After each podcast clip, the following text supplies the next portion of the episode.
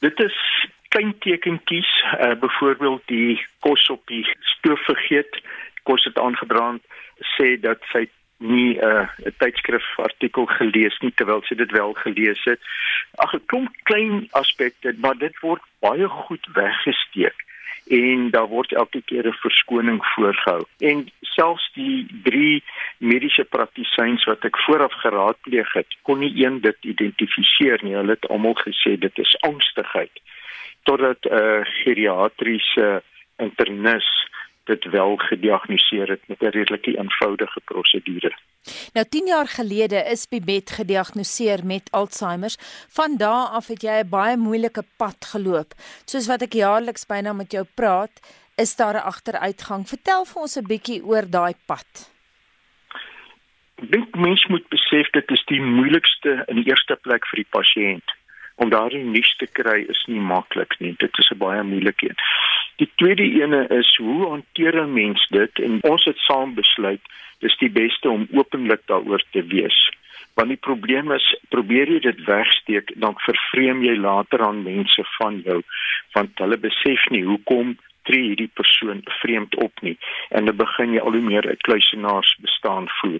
In in ons geval was daar enorme positiewe ondersteuning uit die gemeenskap, vriende, familie en dit het mense taak makliker gemaak. Die pad self is maar 'n geleidelike agteruitgang. Dit begin maar met korttermyn geheue wat kan goed inkom soos halusinasies, wanbegrippe, herhaling, absolute vergeetachtigheid ensovoorts. En dan begin dit geleidelik erger word. Ek Ek moet sê dit wissel natuurlik van persoon tot persoon. Nie almal presenteer dit op dieselfde manier nie. In haar bepaalde geval het haar langtermyngeheue baie goed gehou en ook haar sosiale vaardighede en kommunikasievaardighede. Maar ander aspekte het al hoe meer agteruit gegaan, veral die halusinasies en wanbegrippe wat ontstaan het dan uiteindelik met versorgers kan jy later nie meer die mas opkom nie en sy's nou 4 jaar gelede in 'n versorgingsoord geplaas waar daar voltydse 24 ure dag versorging kan wees. Daar is natuurlik die aanpassingsperiode en dan begin dit nou geleidelik weer agteruitgaan ten spyte van die goeie versorging. En dit is nou op die stadium waar wel dit nou begin natuurlik om mense te vergeet, die kinders te vergeet, my te vergeet. Ons nie bewus meer van ons bestaan nie. En dan begin daar aspekte inkom soos inkontinensie so doeke moet gedra word permanent. Lankal word versorging nodig ten opsigte van was aantrek en dit is nou op die stadium waar daar 'n uh, absolute onbewustheid amper van haar eie en ander mense se bestaan is en begin dit ook nou moeiliker word om te eet. So daar is nou 'n vloeistofaanvulling wat hulle vir haar gee om haar darm die nodige krag te gee. En dan ook beweging.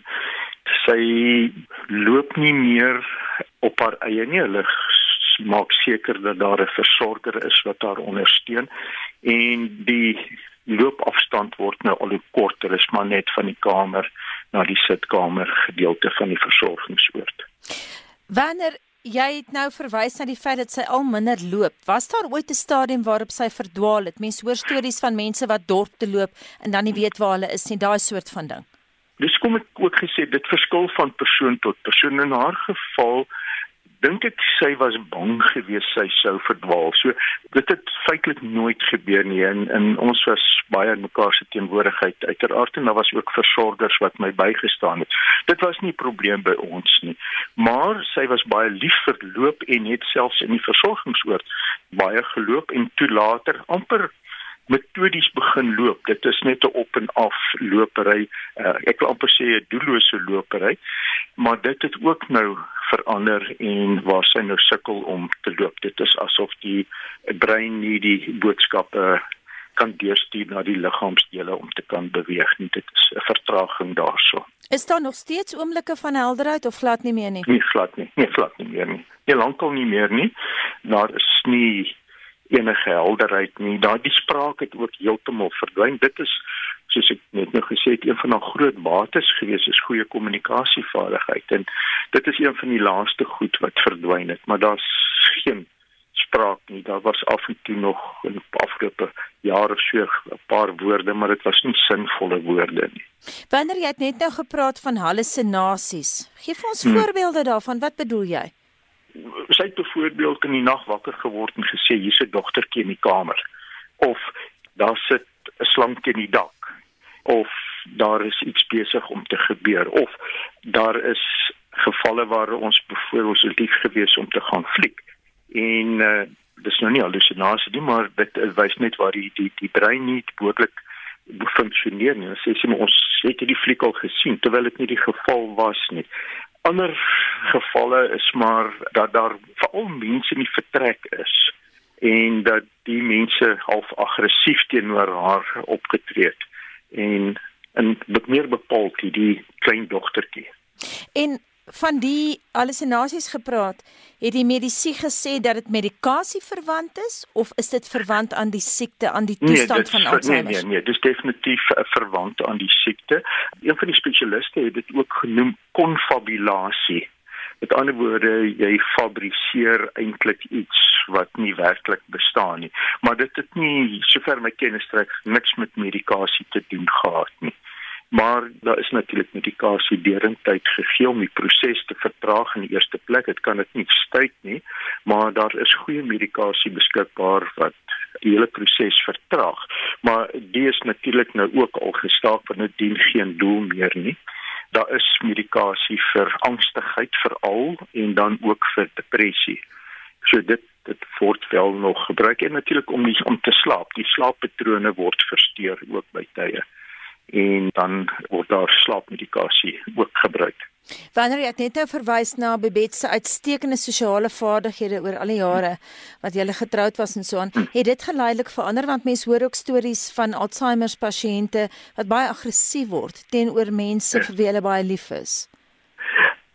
Ja, want die sosiale vaardigheid het baie lank voortgehou. Ek dink dit was deel van haar hele wees, menswees.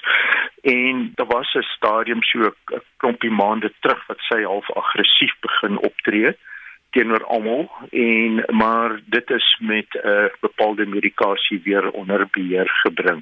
Dit is 'n fase waardeur party mense gaan in haar geval was dit vir 'n rukkie problematies totdat die regte medikasie gevind is en die aggressie het nou verdwyn. Wanneer het jy 'n ondersteuningsgroep? Jy het nou gesê julle familie en vriende was baie ondersteunend, maar ek hmm. praat nou spesifiek van ondersteuning vir jou. Ja, in die opsig dat ek het ook van familie en vriende werklik goeie ondersteuning en begrip gekry. En 'n mens het dit nodig, né? Nee? Jy het dit definitief nodig. Wat ek nou die afgelope paar jaar gevind het is dat binne my breë vriendekring is daar toenemend mense waarvan een van die eggenotes die begintekens van Alzheimer kry. Hulle wil nie openbaar gaan nie in hierdie stadium nie en dan kom gesels hulle met my en ek het so 'n paar koffiedrink vriende soos ek noem. Hulle noem dat ons dan bymekaar kom as die probleme te groot raak. Hulle raak afgesonderd, hulle raak bekommerd, neergedruk, hulle soek bietjie hulp. En dan kom ons bymekaar. Daar is ook dwarsteer Suid-Afrika is daar uh, sulke ondersteuningsgroepe wat wonderlike werk is wat Alzheimer Suid-Afrika doen.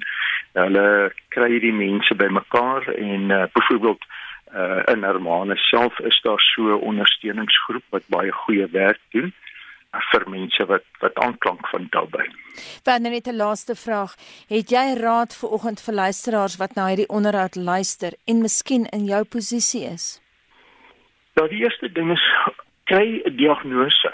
En dit daar's 'n baie eenvoudige toets wat deesdae gebruik word. Dis die sogenaamde uh, mini-mental toets, evalueringstoets wat so 5 minute. Gaan na psigiater toe, kry bevestiging want andersins gaan die persone vervreemd raak van mekaar of weet nie wat veroorsaak die vreemde optrede nie. So dis die eerste ding, maak seker dat 'n mens weet wat die situasie is. Tweedens glo ek maak dit bekend en kry ondersteuning van mense rondom jou want mense het begrip hulle het baie empatie 'n Ander aspek is jy gaan versorgers moet inkry. Moenie die taak alleen probeer doen nie. Ek het te veel gevalle gesien waar mense emosioneel heeltemal gedreineer word. Hulle word totaal afgetakel en hulle sosiale aanvaarbaarheid binne in die gemeenskap daal dan ook. En dan ten slotte wat ons ook moet besef is daar is nie uit mediese fondse ondersteuning vir die versorging van sulke pasiënte nie. Dit bring 'n enorme finansiële las. Alzheimer versorgingsinstellings uh, van wie die 24 uur versorging wat gegee word is uiteraard duur. En meeste mense maak nie voorsien vir vir sulke situasies nie. Waar ons 'n ouer wordende bevolking is, gaan al hoe meer mense slagoffers word van hierdie siekte. En ek is bevrees ons moet beter finansiëel beplan daarvoor. En want dit is duur. Dit is enorm duur om daardie goeie versorging vir jou geliefde te kan gee.